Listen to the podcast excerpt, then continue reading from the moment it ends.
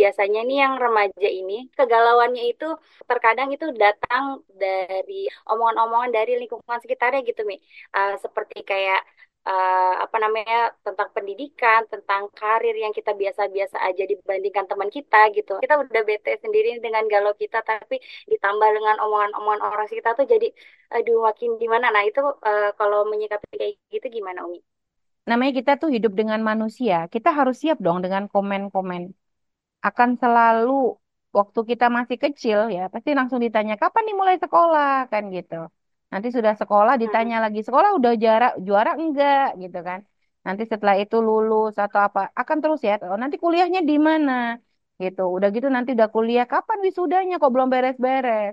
Udah wisuda oh kok masih belum ini belum punya pasangan lihat kan.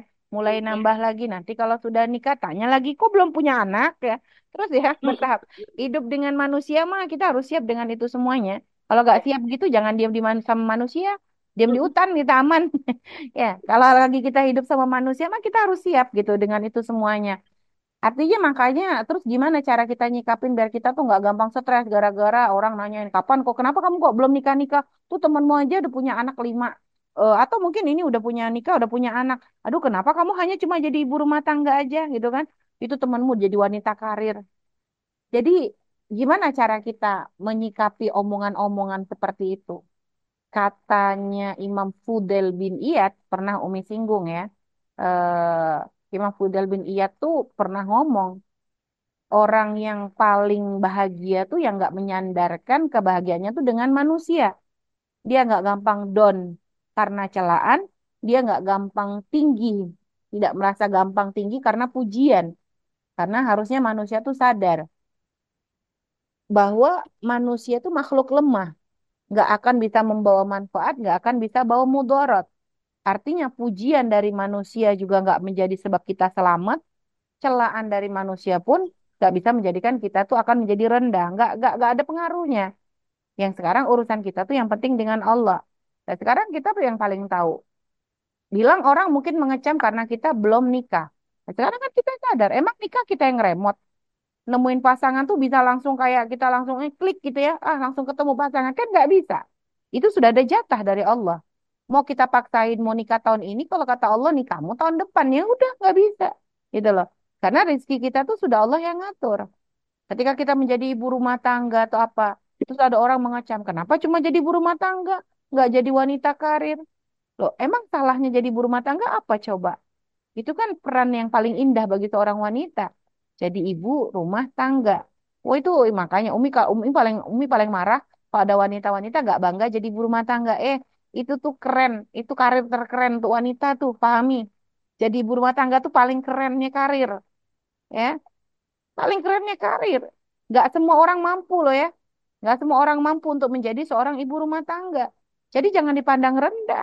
Nggak gampang ngurusin anak, ngedidik anak, sabar dengan anak ngerapiin ngatur rumah dan sebagainya, nyambut suami kalau pulang. Nggak semua wanita sanggup, nggak semua wanita sanggup, ya.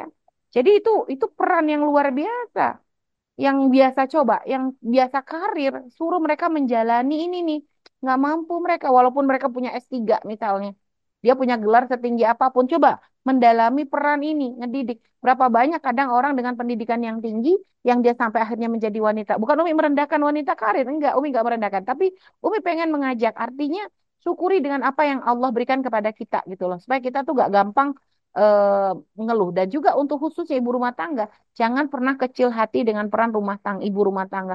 Itu peran yang luar biasa. Banyak wanita sekarang nggak mampu. Banyak wanita sekarang. Bahkan Nabi sudah ngasih isyarat. Ketika pada seorang wanita ngadep kepada Nabi, ya Rasulullah, kaum laki-laki mah enak gitu ya. Maksudnya mereka bisa duduk bersama, mau begini, begini, begini. Kami gimana? Kata Nabi, kamu ngurusi rumah tangga, kamu ngurus anak, kamu ngurus suami, kamu mengabdi, taat kepada suami. Itu udah setara dengan itu semua, kata Nabi. Tapi kata Nabi apa? Nggak banyak dari kalian yang mampu menjalankannya. Tuh, lihat. Nabi udah ngomong gitu.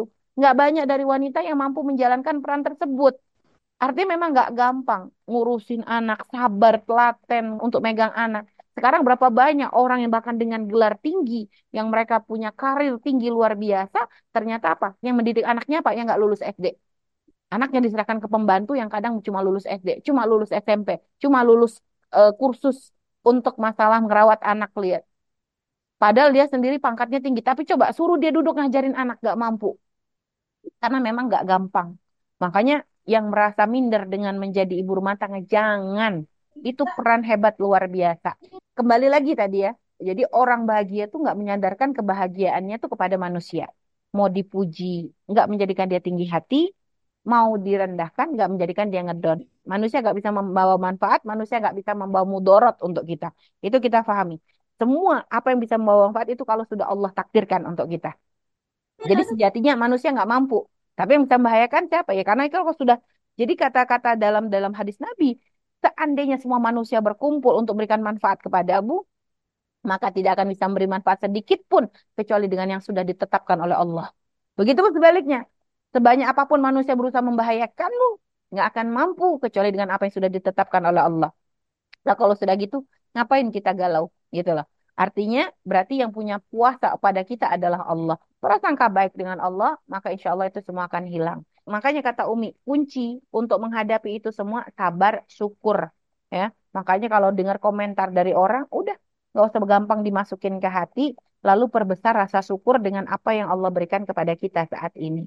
Itu itu menjadikan kita nanti nggak gampang ngedon dengan omongan orang. Ya, wallahu a'lam bishawab. Karena Allah memberikan kepada orang tuh beda-beda. Ada yang nikah cepat, ada yang nikah lama, ada yang punya anak cepat, ada yang kadang nggak punya anak, ada yang kadang ya begitu rizkinya lancar, ada yang kurang. Dibuat seperti itu supaya semuanya bisa saling mensyukuri.